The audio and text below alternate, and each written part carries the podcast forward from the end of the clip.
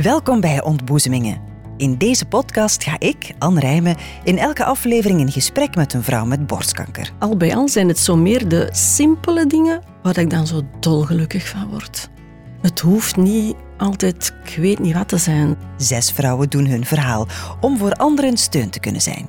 Een thema dat me na aan het hart ligt, met een moeder die zelf borstkanker kreeg op jonge leeftijd en dat borstkankergen meteen doorgaf aan mij en mijn zussen.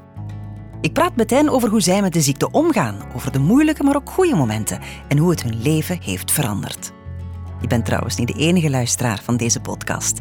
Ook dokter en oncoloog Annelies Trog luistert mee. Door het verhaal van Erik nu, nu te horen, besef je dat aandacht geven aan de partner absoluut geen overbodige luxe is. Aan het einde van elke aflevering vertelt ze hoe het gesprek bij haar is binnengekomen. Het uh, gevoel van it, it could be me komt wel heel hard naar boven. In deze aflevering praat ik met Heidi en Erik, een liefdevol koppel dat na tien jaar kankervrij toch opnieuw dezelfde diagnose kreeg.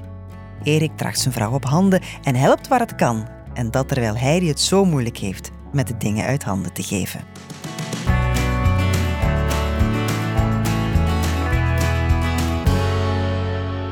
Hallo.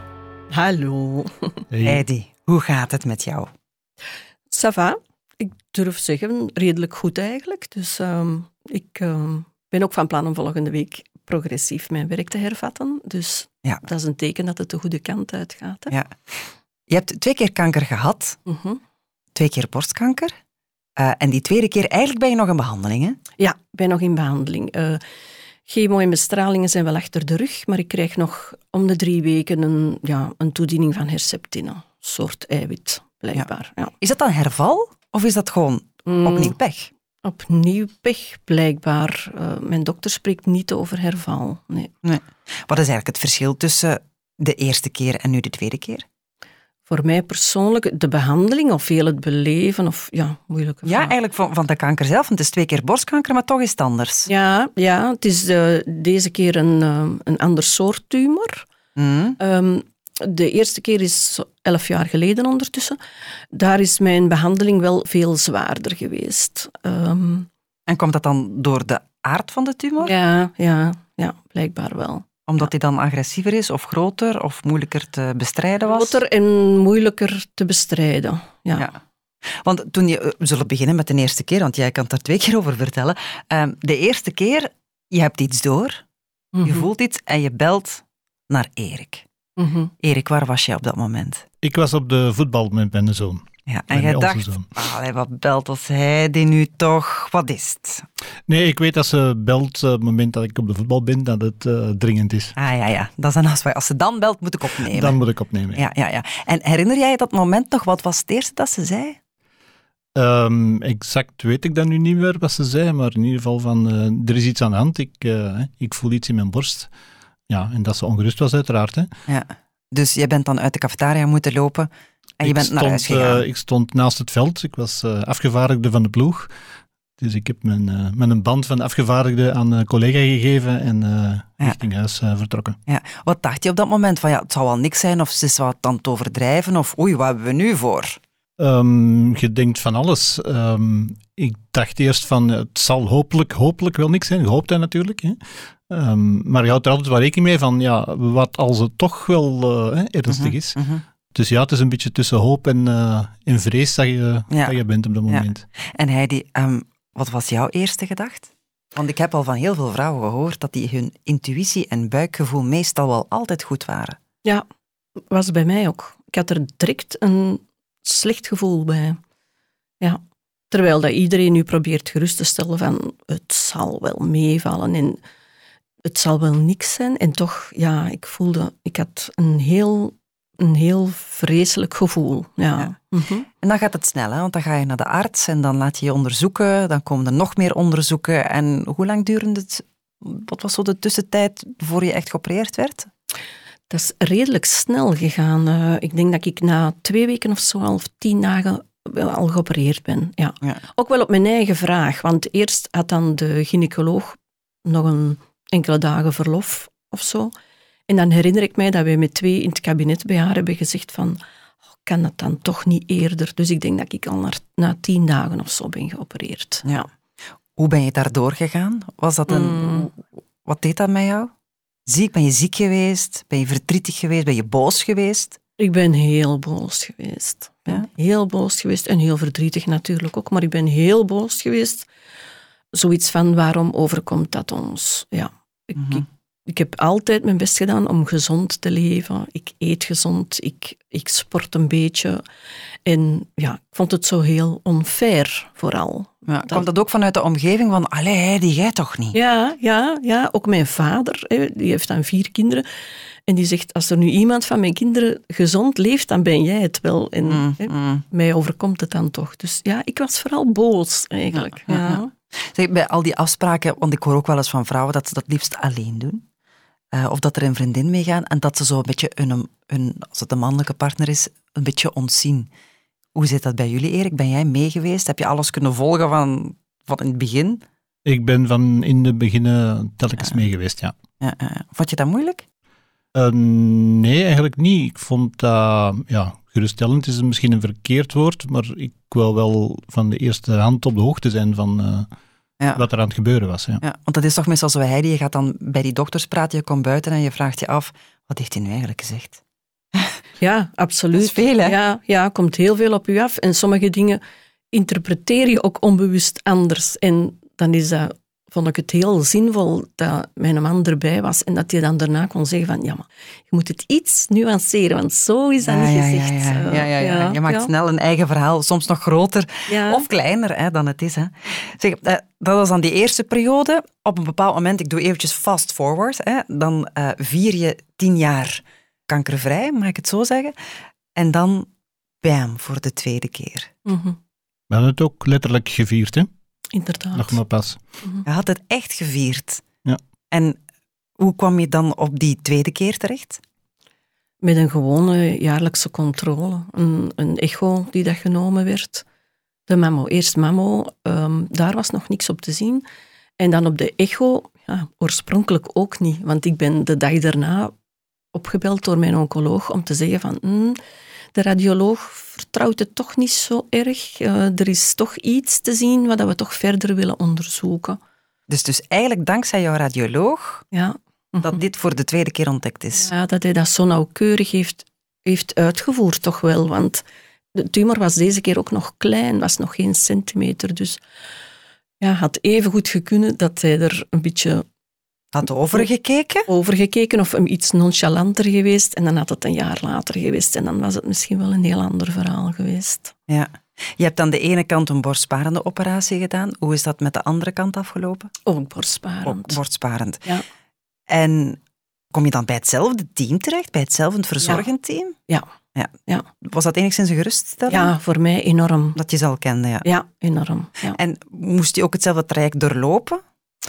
Ja, de chemo was anders. Hè. Ehm, vorige keer heb ik ehm, een zwaardere chemo gehad, die elke drie weken was. En dit keer was het een minder zware chemo, die wekelijks was. Mhm. Maar wel hetzelfde team, zelfde oncoloog, zelfde ja, borstkliniek, zelfde verpleegsters. Ja, was voor mij...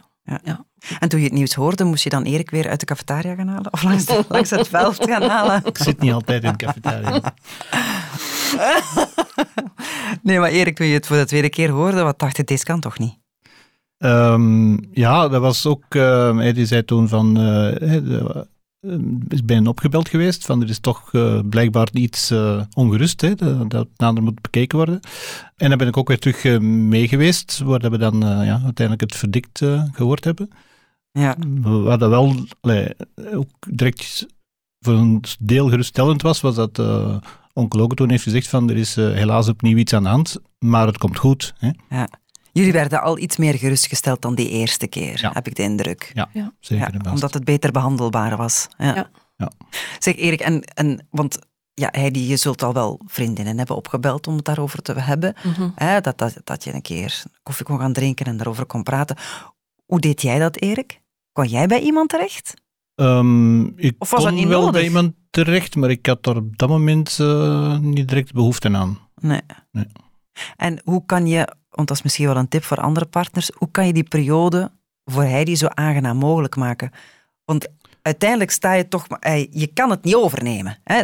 Vaak zeggen ze van, oh, ik zou je kop in willen overnemen of zo. Of, oh, ik wou dat je niet misselijk werd, ik wou dat ik het kon overnemen. Maar dat gaat niet, hè? Nee, dat is deels eh, proberen toch wat gerust te stellen en sommige dingen wat te relativeren en te nuanceren.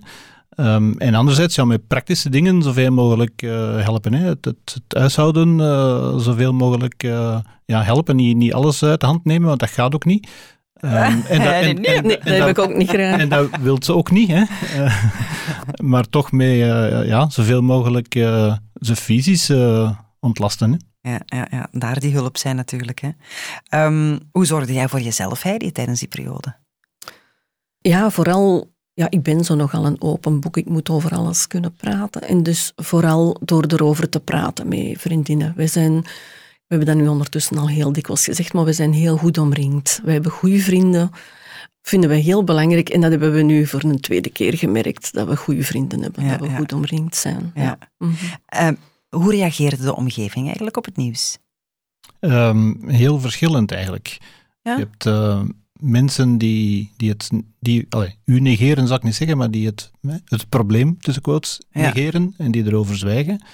En die het vooral ontwijken. En je hebt mensen die, ja, die gewoon vragen van, hoe is het nu? En, en ja, dat eerste dat helpt natuurlijk niet. Hè? Ik bedoel, dat, Maar je hebt er wel nood aan dan om dat te vertellen. Van, ja, als je weet dat er iemand ziek is, vraag er dan achter. Ja, ik vind, ja, dat vind ik wel. En je kunt ook altijd zeggen van als je er geen behoefte aan hebt, of op het moment komt het niet goed uit, zeg je van ja, ik wil er nu niet over babbelen, hè, later misschien wel eens. Maar je hebt eh, heel veel mensen eigenlijk die, ja, die gewoon eh, het ontwijken. En Ja. Omdat ze niet durven. Omdat ze waarschijnlijk niet durven, niet weten wat ze moeten zeggen.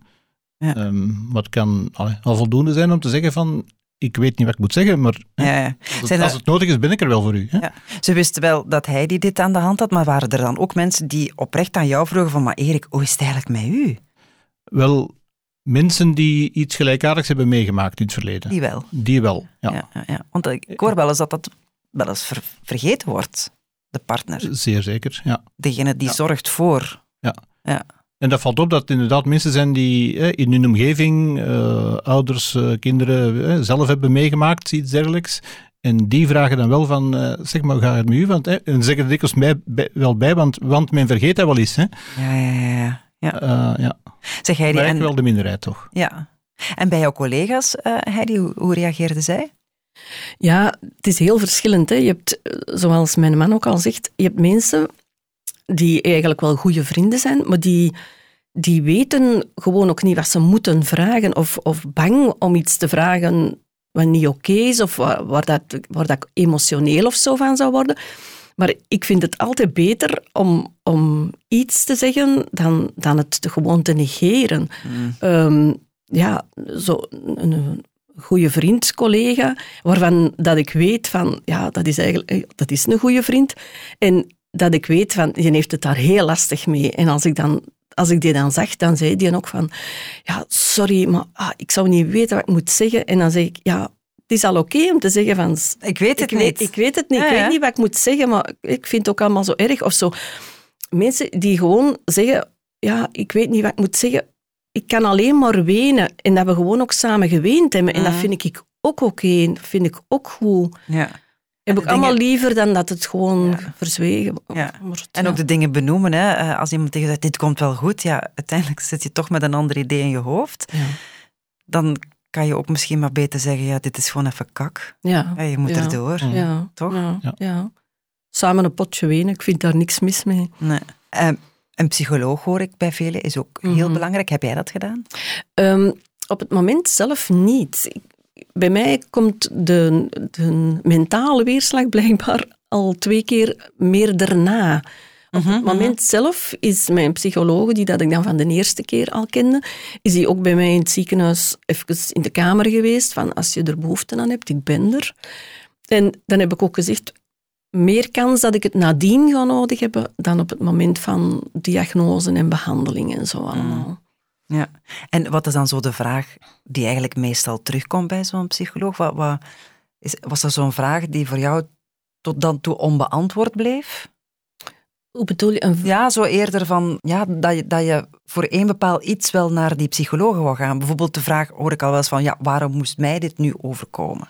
Ja. En al twee keer. Ja, zo dat bij mij minder, want ik ben in het begin weer heel boos geweest van waarom is dit nu weer? Mm. Maar eerder bij mij het gevoel van ehm, de angst om opnieuw dit te krijgen, om dat een derde keer te krijgen. Mm. Daar, ja, dat zit zo wel wat in mijn hoofd. En ik kan, dat kan mij overvallen op sommige momenten, op momenten dat ik het ook absoluut niet verwacht, dat ik met iets heel anders bezig ben en dat ik zo... Paniekaanval is veel gezegd, maar toch dat ik ehm, dat het mij ineens overvalt van oei, en dan breekt het zweet mij ook uit en, en zo. Dus dat is iets te- waar dat ik het lastig mee heb. Ja. En dat is eigenlijk eerder in die tweede periode gekomen dan Ja. tijdens die eerste. Ja. ja, ja. Merk je dat aan haar, Erik? Van, van oei, zit het moeilijk? Aan wat zie je dat? Ehm, omdat ze dat ook zegt. Ja. Dat is handig, vind ik dan Eh, wel. Dat is, Ja. dat is altijd handig, ja. Ehm, ja, en, en dat ze ehm, ja, onrustig is, eh, zenuwachtig. eh. Mm. Ja. Heb, je, heb je contact gezocht met lotgenoten? Ja, ik heb het ge- geluk tussen aanhalingstekens. ehm, na de eerste diagnose heb ik oncorevalidatie gevolgd in het ziekenhuis. En ik heb daar ongelooflijk lieve en toffe mensen leren kennen. En wij hebben, met een enkele hebben wij nog altijd contact. En dat zijn echt, ja, dat zijn vrienden voor het leven. En die weten als geen ander wat dat je doormaakt. Ja. En, en ja, dus aan die mensen heb ik heel veel gehad. Heb je daar ook nieuwe mensen leren kennen, Erik? Ja, ik ken die mensen ook eh, heel goed. We eh, ontmoeten elkaar inderdaad. Eh, Ja. Dat klikt dus ook met de partners onderling. Hè. Dat is ook niet altijd eh, vanzelfsprekend. Ja, ja, dat is waar. Dat Ja. is dus wel, wel het geval. Dus, Ja. ja. Ben jij ooit, want je zegt van ja, hij die heeft natuurlijk wel af en toe zo even een, eh, ik zou het toch een paniekaanval kunnen durven noemen hoor, Heidi. Ehm, ben jij ooit echt bang geweest, Erik, van fuck, wat gaat ai, dit kan nu toch niet meer? Eh, de tweede keer totaal niet. Nee. De eerste keer, ja, omdat alles is natuurlijk eh, onbekend en je hoort van alle verhalen hè, die, die Mhm, slecht mhm. aflopen dikwijls. Ehm, dus dan denk je daar natuurlijk wel aan. Echt paniekaanvallen kan ik niet zeggen, maar ik ben van nature nogal Een rustige, de rustige, mens. de rustige ja, ik heb mens. het al door. Dus dat helpt dan ook wel, maar ik kan me voorstellen dat dat bij anderen wel, eh, wel het geval Ja, is natuurlijk. Ja. ik denk wel dat Erik zo de geruststellende factor is. Absoluut. Hè, toch? Ja, absoluut. Soms word ik zenuwachtig omdat hij zo rustig is. Ja, maar ik zie hem zitten en ik zie dat het eh, inderdaad wel zo is. Zeg, ehm, ook je werk, hè? Je werkt, hè? Mhm, Ehm, je gaat terug beginnen. mhm. Dat is toch de bedoeling, hè, voor halftijds terug te beginnen. Heb je je daar ooit vragen over gesteld? Van ja, moet ik nu, ik ga alles in vraag stellen. Moet ik wel terug naar mijn eigen werk? Ga ik dezelfde hobby's nog doen? Of gaat deze kanker mij volledig veranderen? Ja, nu, omdat het dichterbij komt, kan ik mij nu soms wel de vraag stellen, omdat ik heel vergeetachtig ben, wat ik altijd wel aan de chemo wijd, hè, want we hebben een, Chemobrain, we hebben een excuus nu. Hè, Ja, ja, ja. En ik kan nu soms wel even ongerust worden van, ah, ga ik mijn werk nog wel kunnen doen als ik niks kan onthouden? Ja, daar kan ik mij even wel zorgen over maken. Ja. Heb je dat tegen jouw baas kunnen zeggen? Van ik kom wel terug, maar het kan zijn dat ik iets ga vergeten. Nee, nog niet. Nee, ik heb die ook nog niet echt in real life gesproken. We hebben een Teams, gelijk tegenwoordig alles ja, met met de Teams-meeting teams. is. Ja. Ehm, ja, en ik ken die ook nog niet zo goed. Ehm, ben van chef veranderd ondertussen, terwijl dat ik in ziekteverlof was. Dus ehm, ja, ik hoop wel dat ik dat nog ga kunnen uitspreken tegenover hem. Ja. Die bezorgdheid. Ja. Stel dat je helemaal mocht kiezen en moet geen rekening houden met financiën of eender wat van ik moet werken. Wat zou je dan graag willen doen? ja, ik ben een verschrikkelijke dierenliefhebber, dus ik, ik zou graag iets met honden doen. Of met planten. Maar ik doe mijn job, deze job doe ik heel graag. Ja. Want ik had, als je in de mallenmolen van het werk zit, kan ze nogal stressen omdat ik perfectionist ben. En dan denk ik soms, ah, dat werk, dat werk. En nu dat ik er bijna een jaar uit ben, nu ben ik zo blij dat ik terug naar mijn werk kan. Ja. Maar ook alleen maar voor het sociaal contact, hè? Ja, ja. En, en ik heb het nodig om mij nuttig te voelen. En sommige, met alle respect naar huisvrouwen toe. eh, maar ik ben niet de persoon om thuis te zitten en om enkel dat te doen. Ik, Was dat dan ook het moeilijkste in jouw traject? Van, van ja, ik zit thuis, ik mag niet gaan werken, ik moet hier blijven. Want, ja. het was toch niet het moeilijkste, maar zeker, dat speelt zeker mee. Ja, ja, Ja, ja. ja. Dus je hebt nu een andere chef, terwijl dat je thuis zat nog, hè, in ziekteverlof, maar je werkgever is wel dezelfde gebleven. Hè? Klopt, ja. Je gaat binnenkort terug beginnen. Ehm, is dat dan met bepaalde voorwaarden?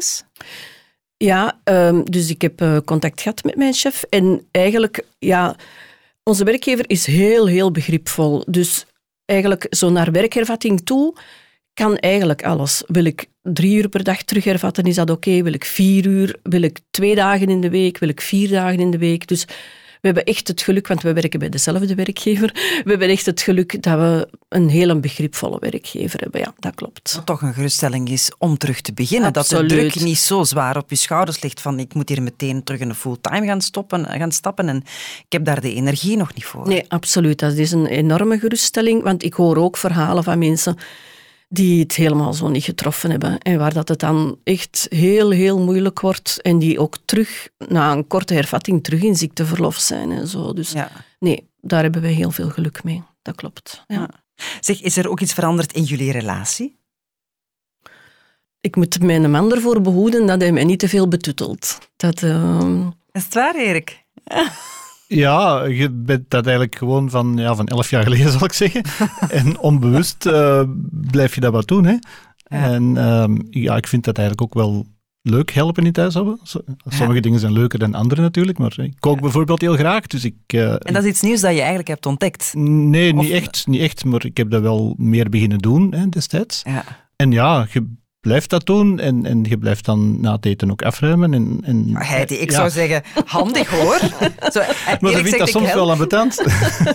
nee, ik zeg altijd, wat ik, wat ik kan, moet je mij laten doen. Ja, Ja, maar ja, in je hoofd kunt je waarschijnlijk veel. Ja, Eh, eh, die- ja. hè. Is dat dan ook zo van, ja, dat wasmachine is niet eh, ingevuld zoals ik het wou? nee, ik kan dat allemaal al goed, redelijk goed van mij afzetten. Ah ja. Ja. ja, want dat zijn zo van die onbenullige dingen waarvan dat kankerpatiënten nadien zeggen van, ja, maar daar maak ik me echt niet meer druk in. Nee, nee, dat is ook zo. Ook mijn, hé, onze dochter die nog thuis woont, als die dan eens de was plooit, dat is anders gedaan dan dat je dat zelf doet. Maak ik me allemaal niet meer druk in. Nee. Nee. Nee. Zeg, en hebben jullie plannen om, ik zeg maar iets, een wereldreis te maken? Of, of, of to- toen je ziek was, dat je dacht van, "Ah, als ik nu beter word, dan ga ik zeker dat doen. Nee, nee, eigenlijk niet. En ergens is dat een beetje raar, maar al bij al zijn het zo meer de simpele dingen waar ik dan zo dolgelukkig van word. Het hoeft niet altijd, ik weet niet wat te zijn. Zo gewoon ons wandelingetje samen met een hond, of is een weekendje weg, of een zo gezinsmomenten zo met dan de kinderen en hun vriendjes. Ja, dat zijn dingen waar ik enorm veel energie uit haal. Ja, dat is eigenlijk contentement van het leven. Hè? Ja, ja. Ja. mhm, hoor je vaak, en meer hoeft het leven eigenlijk niet te Mhm. zijn. ja. Ja, je geniet bewuster van het leven dan, dan Ja. ervoor. Ja, we zijn bewuster. Ja, Ja. we leven bewuster. Ja. Pas op, ik reis, we reizen allebei heel, heel graag, maar dat deden we ervoor ook al. Ja, dat Dus- heeft niks veranderd. Nee, nee. Nee, nee, nee. Nu, je, nu de relatie is niet zo hard veranderd, zeg je, maar van uiterlijk heb jij wel momenten gehad dat je veranderd bent. Hè? Mhm. Je hebt haarverlies gehad, Ja, de eerste keer wel, nu niet. de tweede keer niet. Je hebt wel wat littekens op je lichaam. Vind je dat moeilijk om dat te tonen aan Erik? Ja, ja, Ja? ja. Ja, en het heeft lang geduurd vooraleer dat ik mij er kon overzetten van waarom, waarom zou die mij nog graag zien? Waarom zou die mij nog aantrekkelijk vinden? Ik vind mijzelf niet meer aantrekkelijk. Want daar begint het wel mee. Ja, ja. Ja. Ja, ja dat is een moeilijke. Ja. Mhm. Zag je dat aan haar, Erik? Eh, ja, nog altijd wel een beetje. En ik kan ze er heel moeilijk van overtuigen, eigenlijk ook zelfs. eh. Hij zit hier wel bij u, hè? Ik weet het. Maar dat is misschien ook wel iets naar partners toe, hè? Dat, dat daar, dus niet de betutteling, hè? maar eh, het helpen te aanvaarden van een nieuw lichaam. Mag ik het zo zeggen? Je ja, kan het nog niet aanvaarden. Nee? Ik vind het ook niet echt een nieuw lichaam. Allee, ik bedoel, Een ander? Ook niet. eh, zo komt het mij in ieder geval niet over. Nee. Ja, bij mij wel. Ja, Bij jou ja, wel, hè? Dat, dat weet ik. Maar ik, ehm, ja, en dan maakt het voor mij dan moeilijk om, om ja, die erin te, te steunen en, en te overtuigen van, ja, eigenlijk is er niks daadwerkelijk veranderd. Hè. Je- Dat is helemaal, dat is, eh, dat zit in, in, uw, in uw hoofd, zal ik zeggen. En, en Mm. voor mij is er niks veranderd. Dus eh, Maar jij Ja. gelooft dat niet dan? Want ik zie dat je het er Dat- moeilijk mee hebt. Hè? Ja, daar heb ik moeilijk mee. Ja. Mhm. Kan je in de spiegel kijken? Of, Toch liefst zo weinig mogelijk. ja? Maar Ja. komt dan die overlevingsdrang niet eerder naar boven van kijk, ik heb dit wel gehaald. Ja, dat, dat het er nu op dit moment uitziet, is op zich ja, bijkomstig. Bijkomstig, ja. Ja, dat, ja, probeer dat. Probeer dat wel. En ik probeer ook zo dan te, eh, fier te zijn op mezelf. Van, oké, het, is, het is ons toch weer al een tweede keer gelukt om hier door te komen. En, maar toch, als ik in de spiegel zie, dan, ja, dan, dan zie ik... Jij ziet de littekens en je ja, ziet niet meer en je dan zie ik wat er allemaal gebeurd is. Hè. Ja, Ja, ja, ja. Mhm. Dat is ook die emotionele slag die er nadien komt, ja, ja. toch? Misschien is dat binnen een jaar of zo beter. Momenteel is dat voor mij, wat ik zeg, mentaal heb ik het daarna moeilijker. En dat is nu zo wel. Hè. Ja. Mhm. En kan je er nog iets aan laten veranderen? Heb je al eens gedacht aan, ik weet niet, aan een, eh, bestaat dat een reconstructie dat je op dat moment iets kan laten veranderen? Want je hebt twee keer borstbesparende, Ja, eh, operaties gehad, dus er Ja. is wel een deel weggenomen. Maar kunnen ze daar iets plastisch gezien nog aan doen? Goh, dat weet ik eigenlijk niet. Want ik had bij de eerste keer heb ik daarna een borstverkleining aan de andere borst laten doen. Omdat er een, een, een stuk weggehaald was Ja. bij, de, bij de ziekenborst, zou ik maar Ja, zeggen. ja, ja, Dus die borstverkleining heb ik toen gehad. En nu heb ik dan opnieuw borstkanker gehad in die borst. Mhm. Dus, maar vermits het, de littekens zijn bij mij echt wel heel beperkt en redelijk mooi ook nog hoor. Maar ja, als ik het zie, dan denk ik van aan alles wat we hebben meegemaakt. En, Dat is het. dan- Het is niet ja. eerder de- het uiterlijk, hoe Mhm. dat het, maar het verhaal dat erachter zit, hè, dat zo Ja. moeilijk is. Ja, Ja, Erik, ga je nog eh, op het kopje kan- mogen ik kan kloppen. er nog Hè? werk aan hebben, denk ik. Figuurlijk, ja, ja, ja. Zeg, als je nu terugkijkt op die periode, eh, zijn er dingen die je anders had aangepakt? Of, of die je anders had willen doen? eigenlijk niet. Nee. Nee, nee. We hebben in het begin ook direct, de eerste keer dan, dan waren onze kinderen nog relatief klein. En dan hebben we ook direct met de psycholoog het ziekenhuis gesproken van hoe, hoe pakken we dat best aan? Vertellen we het, vertellen we het niet? Die zei dan van ja, ik zou het zeker wel vertellen en eerlijk zijn. En dus nu, de tweede keer, nu zijn onze kinderen natuurlijk, nu zijn dat volwassenen. Mhm. We hebben hen dat ook direct verteld. En ja, nu heb je er ook steun aan, gelijk dat je van een vriendin of zo steun zou hebben. Dus ik kan niet zeggen dat we nu iets anders zouden doen. Nee, ik denk het niet. Nee. Erik ook niet, hè? Zeg, en hebben jullie elkaar anders leren kennen op een bepaalde manier? Of heeft Erik jou een keer wel eens verrast van dat je dacht van, oh, dat is hier wel mijn en Erik en alright, ik ben super trots op hem. Te weinig waarschijnlijk. Gewoon al, dat, al wat hij deed om, om, om het mij gemakkelijker te maken. Zo de dingen dat hij daar net opnoemt, zo van in het huishouden. Ja, er zijn mannen die dat nooit gedaan hebben, die dat ook niet kunnen. Ehm, Ja, of die freezen, hè, die, niet we- Ja. die niet weten, ah, het is niet van niet kunnen, maar die niet weten, wat, wat, wat moet ik doen? Mijn, mijn vrouw is niet goed. eh. ja, ja, zo beetje bij een bevalling, hè, zet je maar op het kruksken aan de zijkant en wacht maar tot het voorbij is. Maar dat is moeilijk, hè. dat kunnen we moeilijk nog doen. Hè. ik ben ervan overtuigd dat er zulke mannen zijn. Ja, ja, ja. ja, Eh, nee, hij heeft, hij heeft dat gewoon gedaan. Ja. ja. Mhm. Erik, Eila, Mhm. medaille voor jou ook. Hè. Ja. Zeg, wat, wat zijn nog de plannen voor in de toekomst? De plannen. Ja, nee, gewoon verder doen zoals we bezig zijn. We genieten van de kleine dingen. We genieten van, van samen te zijn, van met ons gezin te zijn. En ik hoop dat ik gezond mag blijven nu. Dat is eh, Ja. dat wij gezond mogen blijven. Ja, Dus eigenlijk moet ik ook niet meer vragen wat mag ik jullie toewensen, want je hebt het net zelf allemaal gezegd. Inderdaad. Gezondheid is het allerbelangrijkste. Ja. Ja. En genieten van de kleine dingen. Absoluut. genieten van de kleine Absoluut. Ja, Dan wens ik jullie het allerbeste. dank u wel. Dank je wel.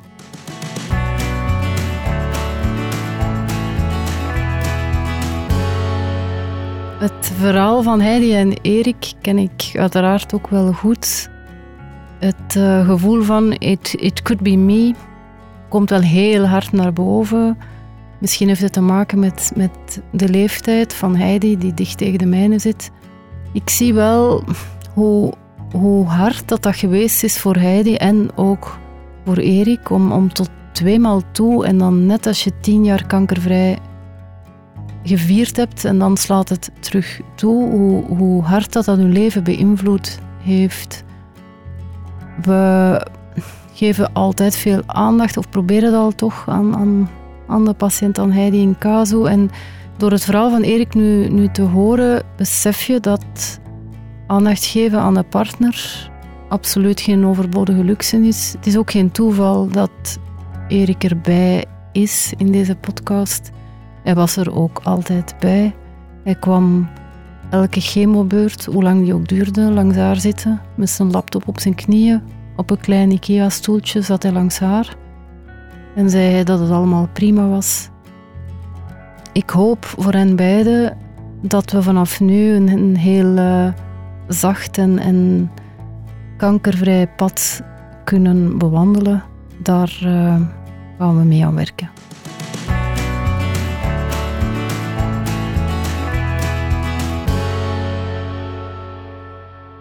Deze podcast kwam tot stand met de steun van Pfizer, Lilly en Roche en ook fondsen vanuit de activiteiten van het Onco-team Lier en het Heilig Hart Ziekenhuis zelf. Wij danken ook de patiënten en hun families voor hun medewerking.